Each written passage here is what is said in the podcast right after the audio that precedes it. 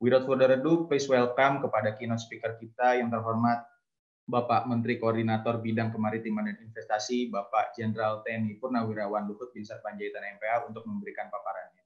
Silahkan Pak. Assalamualaikum warahmatullahi wabarakatuh.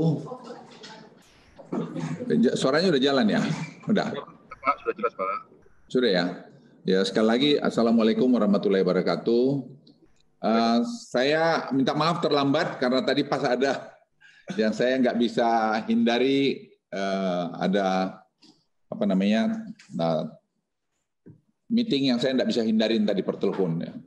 Uh, saya ingin mulai masalah apa namanya pertemuan ekonomi kita. Ekonomi kita ini sekarang di ada tiga engine of growth. Satu adalah tadi bicara apa hilir, hilirisasi tadi yang saya atau investasi di sini.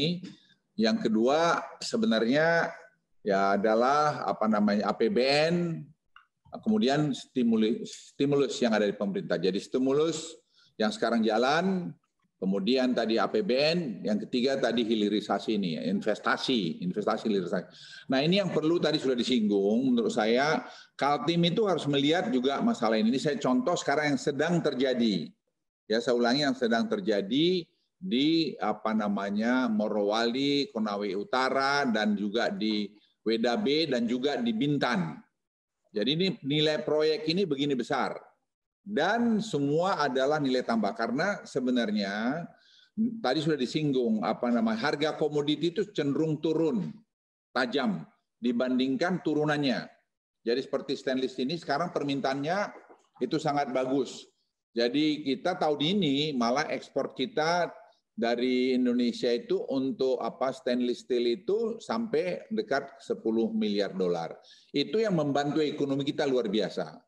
Nah di Kalimantan Timur ini menurut hemat saya itu juga perlu kita lihat hilirisasi apa yang harus kita lakukan. Kemarin ada Bakri punya apa namanya itu oh, apa oh, coal to methanol. Itu juga satu yang bagus sekali. Nah, coal to methanol ini karena metanol ini kita butuhkan untuk tadi mengapa namanya membantu B30 nanti atau KB40 karena kita tidak perlu import. Jadi kebutuhan kita bisa kita penuhin sendiri. Nah ini juga kombinasi semacam ini perlu di Kalimantan Timur ini melihat. Karena Kalimantan Timur ini pada dasarnya kan hidupnya tambang. Nah tambang itu harus kita buat supaya betul-betul kita pakai pada nilai tambah. Nah pertumbuhan ekonomi Kalimantan kalau boleh saya ke slide sedikit. Ini kita lihat itu Kalimantan uh, Timur ini PDB 2019 nominal PDB harganya itu kira-kira 653 triliun. Ini kita lihat potensi uh, next ya. Next slide. Potensi kontraksi PDB Kalimantan Timur tahun 2020 akan terjadi akibat uh, efek pandemi ini tadi. Tapi saya minta juga pada kita semua, kalau kita tadi dorong terus tadi hilirisasi ini, itu juga akan banyak nanti membantu kita. Misalnya lagi tadi kelapa sawit. Kalimantan Timur kan kelapa sawitnya juga lumayan. Nah itu jangan sampai hanya berhenti di situ. Kalau bisa tadi juga masuk dari bagian 30, tur B30, kemudian turunannya seterusnya. Jadi sekarang ini kalau Anda mau maju di Kalimantan Timur, ini Bapak Gubernur kalau di sini, itu tolong diperhatikan. Jadi jangan kita ribut seperti anu ini apa orang-orang di Jakarta ribut mengenai tenaga asing. Ya kita bisa butuh tenaga asing untuk melakukan lompatan apa apa yang disebut leapfrog tadi itu. Jadi mengejar teknologi. Karena kalau kita murut dari bawah itu nanti akan eh, apa namanya membutuhkan waktu yang panjang. Nah, kontribusi sektor pertambangan dan perkebunan signifikan di Kalimantan Timur. Nah, ini saya minta Bapak Ibu sekalian, tolong dilihat ini. Jadi selain ekspor batu bara dan migas, palm oil juga menjadi komoditas ekspor yang menunjang ekonomi di Kaltim. Nah, ini tolong palm oil ini kalau bisa dilihat lagi. Migas ini kalau ada skalanya masih besar lagi dijadiin apa sih turunannya begitu. Jadi jangan berhenti hanya di situ. Apakah bisa ada bikin mini petrochemical di sana? Batu bara ini sekarang dengan ada yang dimiliki oleh Bakri ya. ya metan. Metan itu bisa di anu dikembangin lagi sampai mungkin keturunannya. Itu juga coba dilihat lagi. Jadi pertanian supaya Kalimantan Timur ini sustain apalagi nanti kalau uh, apa namanya ibu kota jadi pindah ke situ ini juga nanti punya anu kelebihan sana. Pertanian saya pikir dengan turunannya coba dicari high hill yang ada di sana. Jadi jangan hanya bertumpu kepada hasil komoditi saja. Nah, inflasi saya pikir tadi Bapak Ibu sekalian lihat ini inflasi bulanan, inflasi tahun kalender, inflasi tahunan sebenarnya cukup rendah ya. Jadi sebenarnya masih jauh daripada inflasi rata-rata nasional. Kemudian indeks pembangunan manusia ini selalu di atas rata-rata nasional dan perlu terus dipertahankan. Ini saya pikir pendidikan di tempat bapak-bapak, di tempat di tim ini perlu dibuat. Kalau menurut saya sih sebenarnya kenapa tidak diajak tambang itu membantu membangun politeknik yang berkualitas.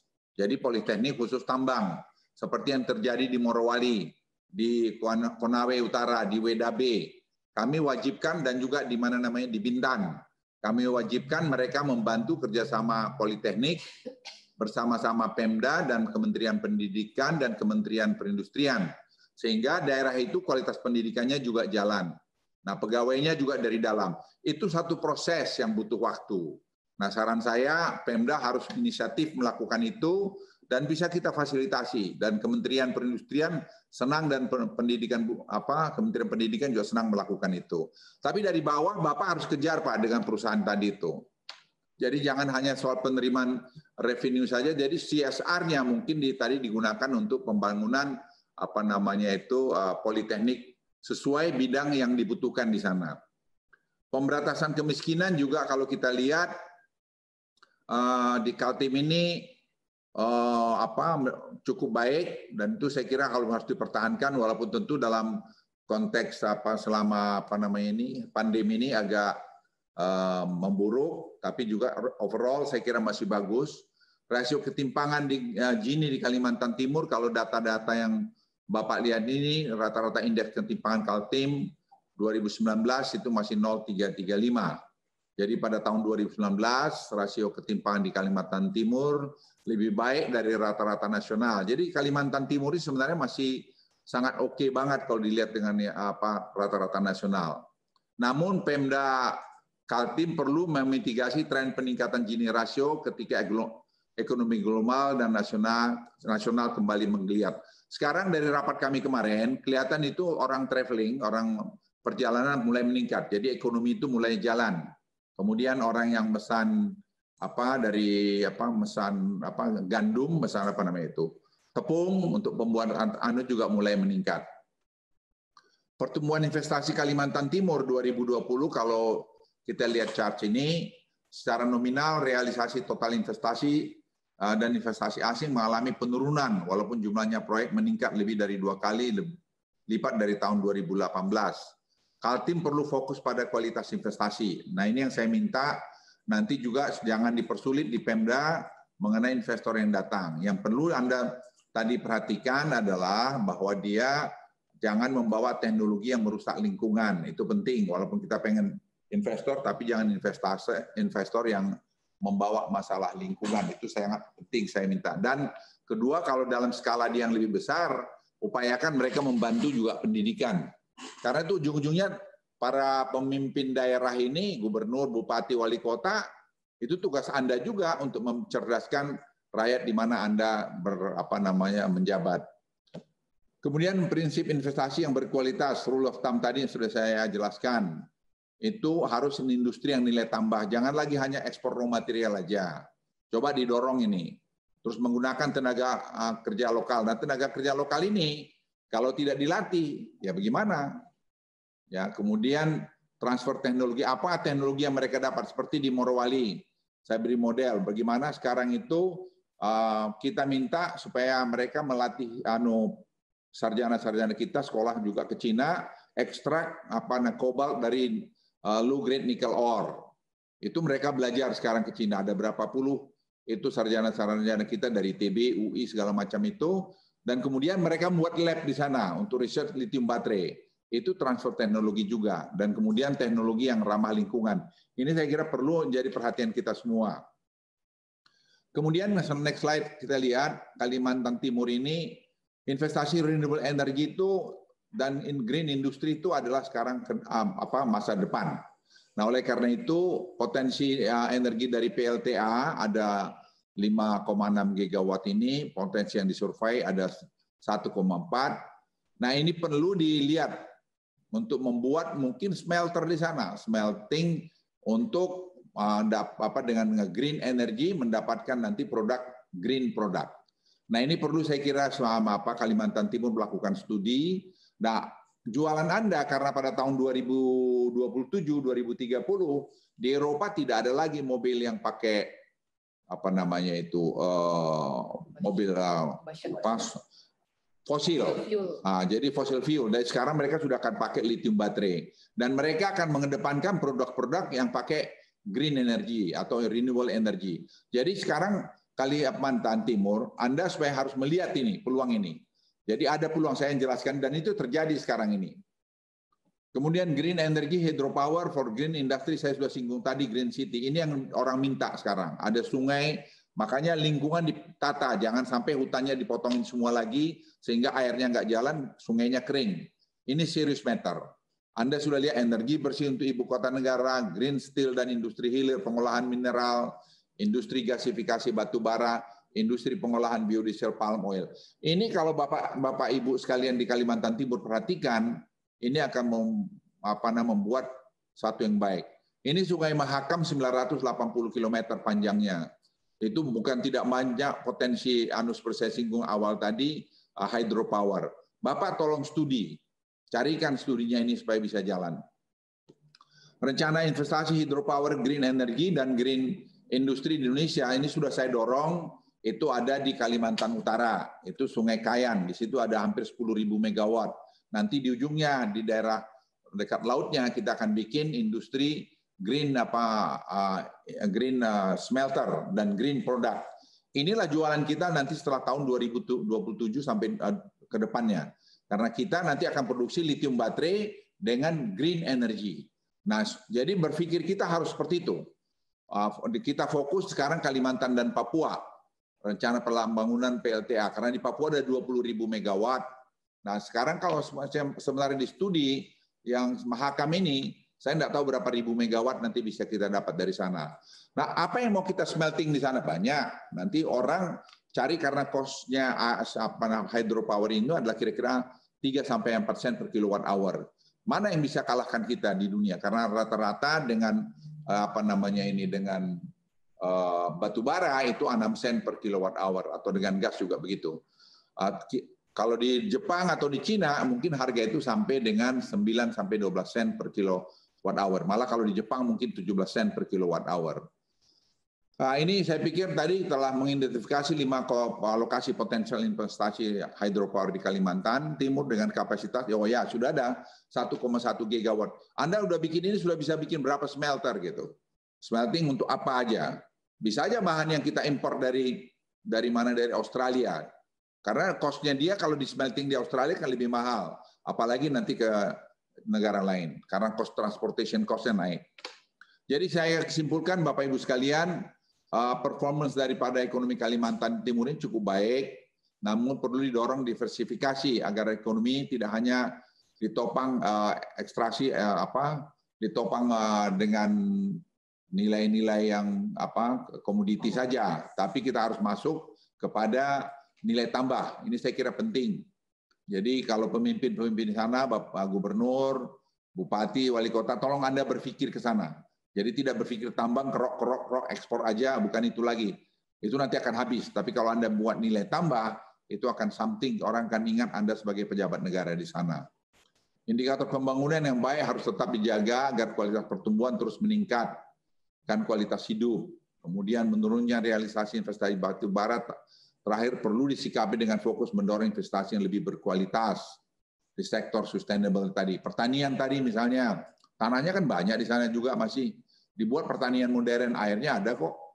Jadi sekarang harus ada inisiatif, inovasi, inovasi dari pejabat. Saya boleh mohon maaf kalau saya bilang mungkin berapa puluh tahun lalu atau 10 tahun, 15 tahun yang lalu orang asal nambang aja dapat duit. Sekarang nggak bisa begitu lagi karena masalah environment itu menjadi sangat penting. Di sana saya kira kalau ada gambut, saya nggak tahu ada gambut nggak di sana.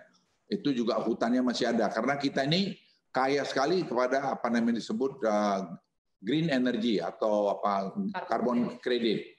Indonesia itu negara terbesar dalam karbon kredit. Coba nanti Kaltim lihat itu. Kemudian yang terakhir pemerintah pusat itu siap membantu pemerintah daerah membantu realisasi investasi dengan memberi eh, yang memberi nilai tambah pada ekonomi dan saya pikir koordinasi ini dilakukan dengan pemerintah pusat kita siap membantu terus uh, untuk apa namanya untuk daerah bisa menghasilkan nilai tambah yang bagus. Terima kasih. Wassalamualaikum warahmatullahi wabarakatuh.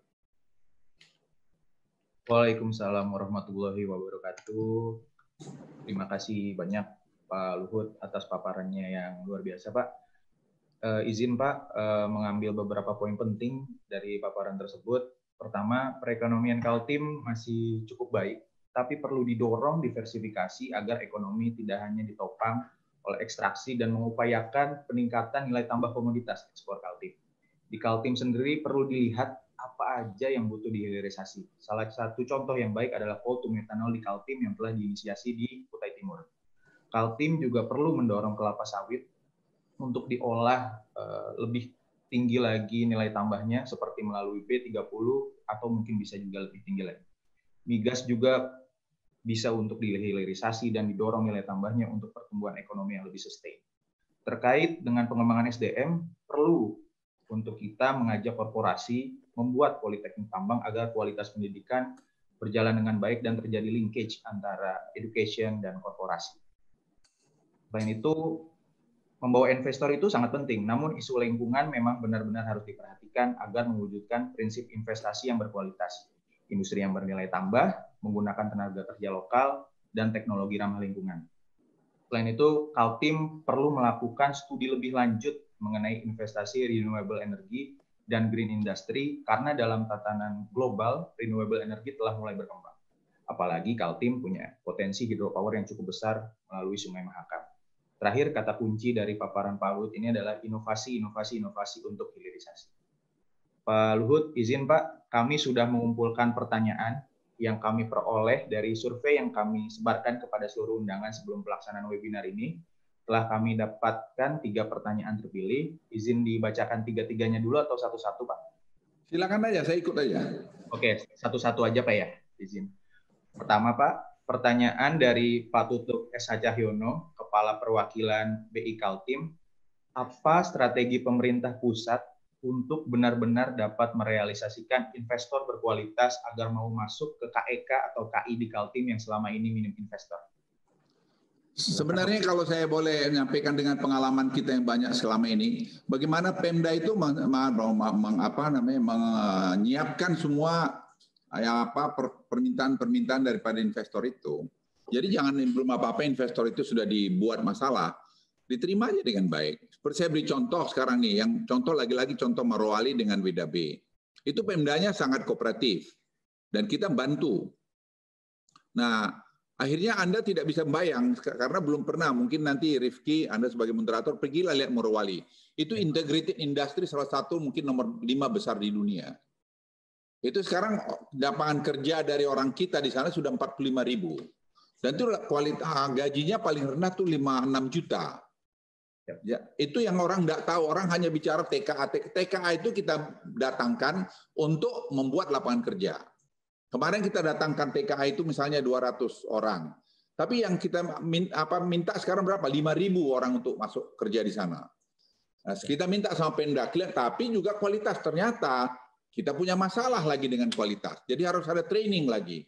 Jadi menurut saya, Pemda itu harus punya visi ke depan. Kalau mau kita berlo apa namanya mengalahkan Vietnam, mengalahkan apa namanya negara-negara lain yang membuka negaranya itu bersahabat pada investor. Itu aja sebenarnya sederhana menurut saya. Kemarin saya di Bintan. Bintan itu mereka boksit. Boksit itu dia olah menjadi alumina. Alumina turunannya masih banyak sekali lagi.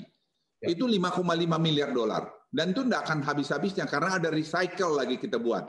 Sehingga seperti yang di Morowali itu semua sekarang kita buat terintegrasi. Morowali itu sekarang lithium baterai yang diproduksi nanti kita recycling lagi di sana. Itu bisa diekstrak 99,3 persen. Jadi Anda bayangkan sekarang kita ini menjadi apa yang disebut uh, global supply chain. Kita ada masuk. Itu sebabnya Indonesia dibawa ke WTO oleh orang negara-negara Eropa karena kita tidak mau lagi ekspor raw material kita ke sana. Ngapain kita ekspor? Kita ya. bikin dalam negeri dong nilai tambahnya. Dapat tadi nilai tambah seperti contoh tadi, dapat pajak, dapat lapangan kerja, dapat teknologi. Ya kita right kita akan makmur. Nah ini saya minta tadi di Kalimantan Timur berpikirnya juga harus begitu. Jadi berpikir harus terintegrasi, tidak bisa berpikir segmented. Itu yang terjadi di kita ini. Dan saya mengalami sekarang ini semua dan itu Presiden minta kita perbaikin itu. Kita terobos semua itu. Jadi tidak boleh berpikir segmented, kita harus berpikir terintegrasi, holistik, supaya itu masalah selesai. Saya di dikritik-kritik soal tenaga kerja asing itu ya tidak apa-apa, tapi saya saya sedihnya tidak paham bahwa itu adalah batu loncatan kita untuk kita bisa satu level sama mereka. Itu yang disebut bahasa kerennya tuh leapfrog atau loncatan kata. Karena kalau tidak kita akan urut kacang. Kalau urut kacang kapan kita mau sampai di situ? Sekarang di Morowali itu kalau Anda pergi akan lihat di research mengenai apa namanya lithium baterai. Itu research center. Akibatnya apa? Anak Indonesia tadi yang tidak lapangan kerja yang dikirim sekolah ke MIT, ke Harvard, saya ketemu di Washington, eh, ya di Washington uh, bulan Februari kemarin, itu dia kembali menjadi researcher di sana. Dia dari ITB. Tapi karena nggak ada apa namanya tempat dia bekerja dalam bidang apa metalurgi ya, metalurgi ya dok? Hidrometalurgi. Hidrometalurgi. Saya ulang ya, hidrometalurgi. Dia dari MIT, dia kerjalah di anu di mana nama itu research centernya itu? Bos. Bos, Research Center. Kemarin saya tawarkan, mau nggak kamu kerja di Indonesia Research Center yang ada di Morowali? Dia bilang mau pak. Jadi ini yang harus kita mimpikan, bisa. Tapi bahwa itu adalah satu berproses, itu yang kita tidak boleh, ya kita harus sabar. Nggak bisa kita ini geruduk-geruduk aja. Yang saya sedih itu. Jadi generasi kamu lihat itu bahwa ada perubahan di sana. Ada sekarang kita bikin hilirisasi uh, boksit, ada hilirisasi nikel ore, ada hilirisasi dari koper. Yang dari apa namanya itu dari Freeport. Itu saya suruh bikin hilirisasi. Supaya tiga-tiga tadi ini nanti ada tin lagi itu bisa kita kawinkan nanti produknya. Macam-macam itu bisa jadi mobil. Mungkin ada bisa foto anu slide mobil itu nanti. Bayangkan. Siap. Silakan.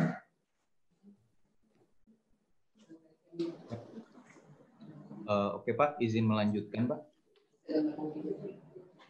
Pertanyaan dari izin melanjutkan Pak. Silakan, silakan, silakan.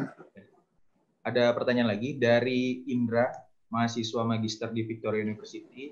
Ini mungkin tadi sempat dipaparkan oleh Bapak sedikit. Berbicara mengenai pertumbuhan ekonomi yang sustainable, sepertinya tidak bisa lepas dari isu green economy yang nantinya perlu disupport oleh green energy. Pertanyaannya, seberapa besar potensi investasi green energy di Indonesia, terutama di Kalimantan sebagai calon ibu kota negara baru? Ya, jadi, ya, jadi gini, uh, rumusnya sederhana. Satu uh, megawatt uh, hydropower itu satu billion dollar. Okay. Jadi kalau jadi sekarang ada 10 ribu itu ya sama dengan 10 billion dollar. Ya, 10 billion dollar. Jadi baru tadi hidropowernya. Ya, belum nanti ada bicara smelternya. Jadi kalau ada yang di tadi di Kalimantan uh, Utara yang di apa Sungai Kayan itu ada dekat 10.000 megawatt, ya make it simple 10 ribu, uh, 10 miliar dolar baru listriknya. Baru nanti kau bicara nanti smelternya. Smelternya itu saya nggak tahu berapa berapa anu sekarang anu kapasitas yang berapa dok seperti di mana di Morowali itu berapa tuh investasinya? Oh yang di Morowali realisasi investasi sekarang sudah 6,1 biliar. Ya seperti sana smelternya mereka sudah bangun 6,1 miliar dolar. Ya karena apa? Kalau di Kalimantan nanti tidak akan ada yang bisa melawan mereka, melawan kalian. Kenapa? Harga listriknya itu nanti awalnya mungkin 4 senan per kilowatt hour. Tapi kalau dia sudah jalan seperti yang di Danau Toba, di mana namanya itu di uh, Inalum itu sekarang hanya 1,9 sen. Cost daripada untuk smelter itu hampir 35 persen energi. Itu cost daripada 100 persen. Siapa yang bisa lawan Indonesia? Nah jadi Anda tanya tadi di anu di Kalimantan ada 10 ribu, di uh, Papua ada 20 ribu. Ya let's say mungkin kita 35 ribu megawatt easy untuk dapat di sini. Yang terkonsentrasi ada tadi 30 ribu megawatt. Jadi kita akan keluar dengan green energy, green product. Orang nggak banyak tahu, kita harus bangga Indonesia itu. Ya, kita hanya asik aja berkelahi. Asik cerita berita-berita yang nggak jelas. Ini fakta, ini data. This data that you can learn. This country is a rich country. Ya, kita nggak manage aja negeri ini. Ini saya beri contoh satu slide ya buat teman-teman adik-adik sekalian. Coba slide tadi. Ini slide ini menggambarkan Indonesia nanti bagaimana. Ini. Jadi dari tadi yang saya singgung ada tadi uh, nikel ore, ada tadi apa yang jadi stainless steel lain, ada boksit, ada copper. Ini nanti ujungnya nih Anda lihat. Komponen dan material elektrik vehicle. Ini Anda lihat. Chassisnya steel, aluminium kita produksi. Baterainya lithium baterai house kita produksi. Motor magnetnya juga kita produksi. Elektrik sistemnya juga kita bisa produksi, anak-anak bangsa. Konektornya kita bisa punya karena kita tadi sudah punya apa namanya itu uh, copper tadi. Semua ada ini. Selama ini copper 55 tahun kita ekspor raw materialnya aja. Undercarriage-nya juga anu, anu kita punya. Jadi semua bagian mobil ini Anda lihat, kita punya engine-nya, resource semua punya. Siapa yang melawan kita? Ya.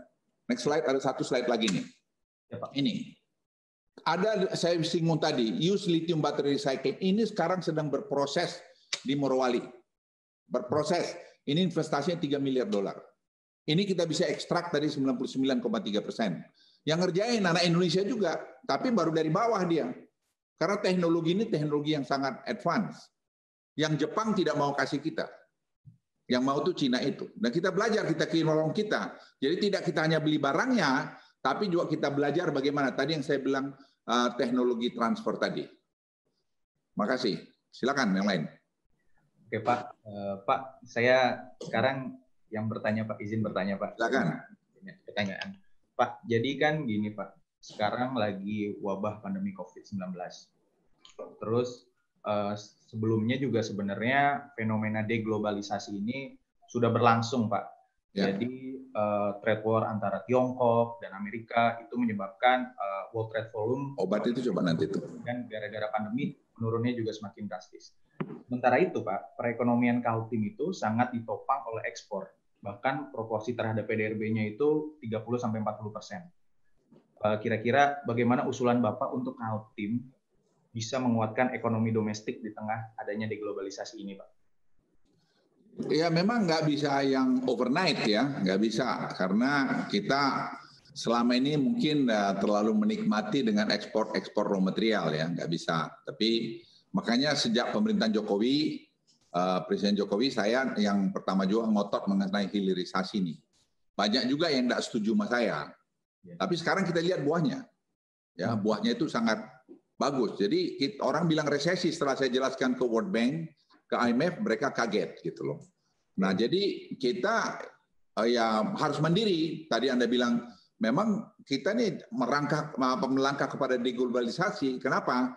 Kemarin India lockdown, Cina lockdown, kita kan nangis nggak ada obat-obat. Nah sekarang akibat belajar dari situ, kita 90% kita impor obat-obat.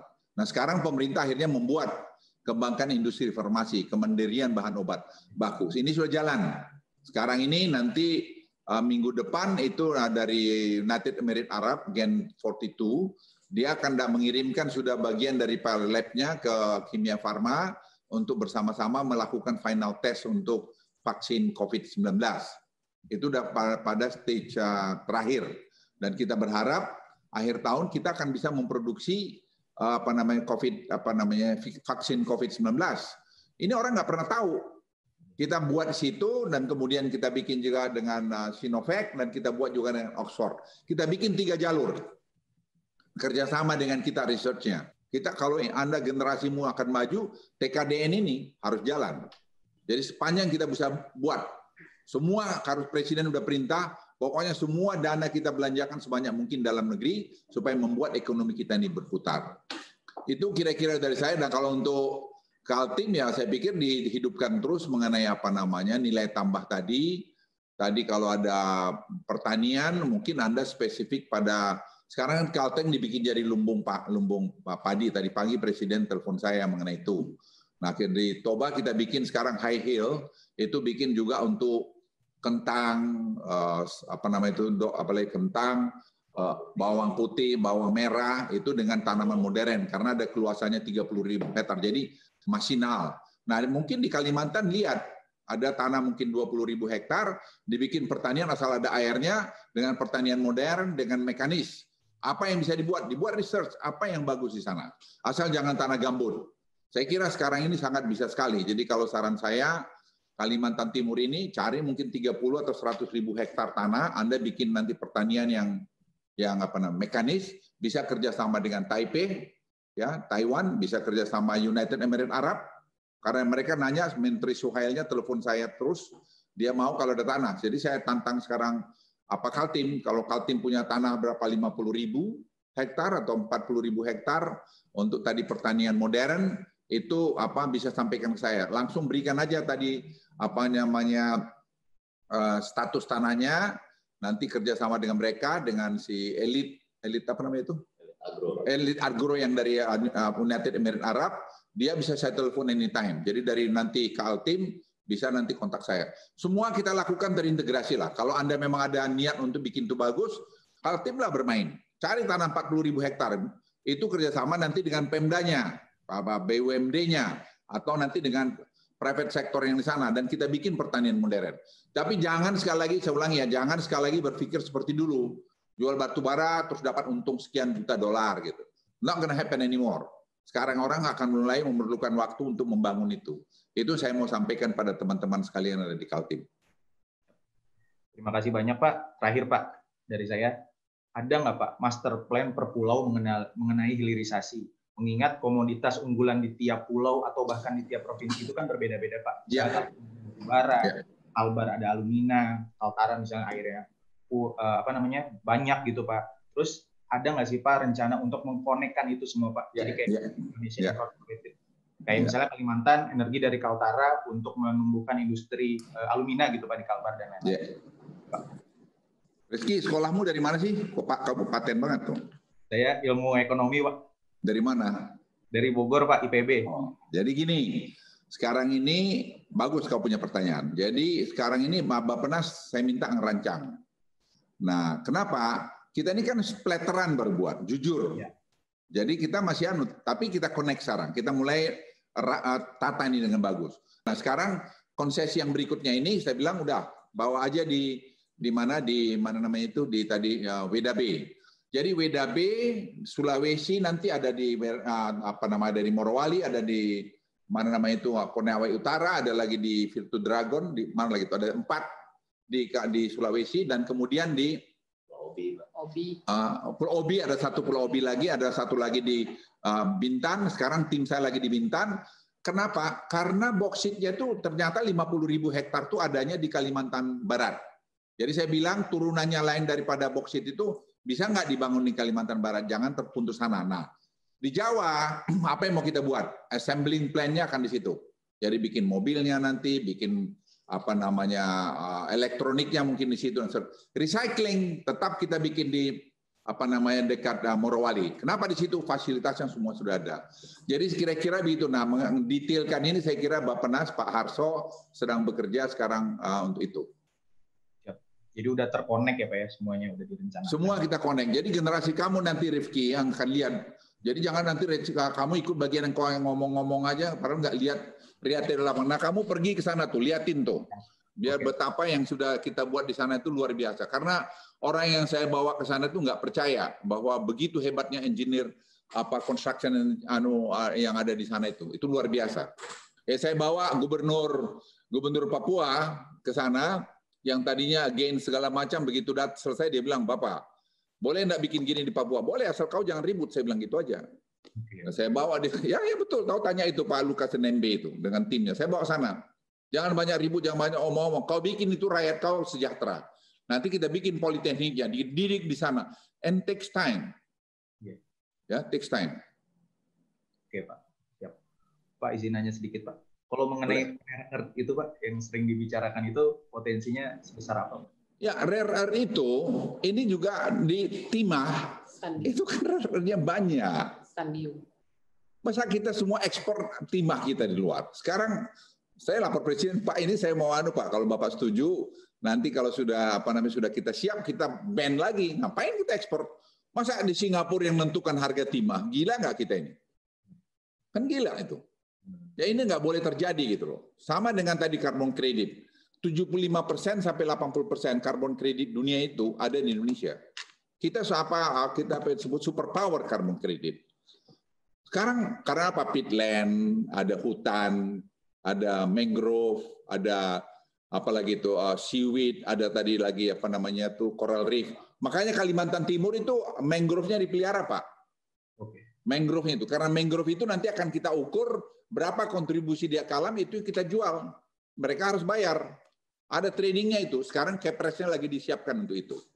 Ya, jadi banyak sekali Rifki yang sekarang sedang dikerjakan pemerintah untuk detail. Nah, saya ngalamin sekarang itu setelah enam tahun ini memang kita kerja detail sekali. Rifki bisa nanya ke Pak Luhut mungkin?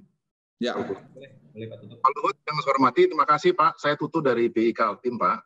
Uh, menarik yang Bapak uh, sampaikan beberapa tadi Pak. Yang mungkin yang terakhir ini mengenai undang-undang kerja ya Pak ya. Ini saya kira menjadi harapan baru kita uh, untuk bagaimana kita memanfaatkan uh, berbagai peluang negara. Menurut Bapak, kira-kira Undang-Undang Cipta Kerja ini dampaknya kepada kami di Kaltim terutama Pak ya. Seperti apa kira-kira nanti mungkin gambaran-gambaran Pak mungkin secara umum. Terima kasih Pak.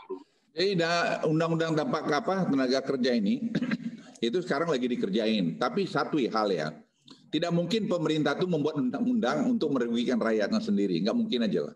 Yang kita buat tuh sebenarnya membuat harmonis. Ya harmonisasi peraturan perundang-undangan itu sehingga buruh itu terlindungi, si pengusaha juga terlindungi. Karena kalau si pengusaha tidak terlindungi, tidak, ada usahanya ya kan tidak ada pegawainya. Atau sebaliknya, ada ada apa bisnisnya nggak ada pegawainya kan sama aja. Kita juga tidak mau semua datang kemari itu padat modal. Kita mau juga padat karya supaya ada lapangan kerja. Jadi industri-industri padat karya itu seperti tekstil itu kita tetap dorong, pariwisata kita dorong. Tapi padat-padat modal seperti apa industri elektronik atau research mana, yaitu tidak bisa kita hindari juga akan terjadi. Gitu. Jadi pada undang-undang perburuhan ini betul-betul tidak akan pernah terpikir, apalagi presiden ini orangnya mikirnya rakyat dulu kan, bahwa itu akan merugikan, anu tidak akan. Jadi jangan diprovokasi begini-begini enggak. Saya juga melihat itu tidak. Tidak ada sama sekali intention kita whatsoever untuk apa membuat uh, apa buruh kita supaya menderita. Enggak. Karena ya saya juga supir bus dulu, jadi saya tahu lah itu. Ya. Terima kasih Pak Luhut. Terima kasih Pak. Terima kasih banyak Pak Luhut dengan sesi Q&A-nya seru banget Pak. Dengan berakhirnya sesi Q&A tersebut, berarti berakhir pula sesi webinar kita kali ini. Saya Rifki Maulana selaku moderator, mohon maaf jika ada salah-salah kata. Saya akan tutup quotes yang menyimpulkan webinar kita kali ini inovasi, integrasi, investasi untuk hilirisasi. Saya pamit dan saya serahkan kembali kepada MC untuk menutup acara. Assalamualaikum warahmatullahi wabarakatuh. Waalaikumsalam.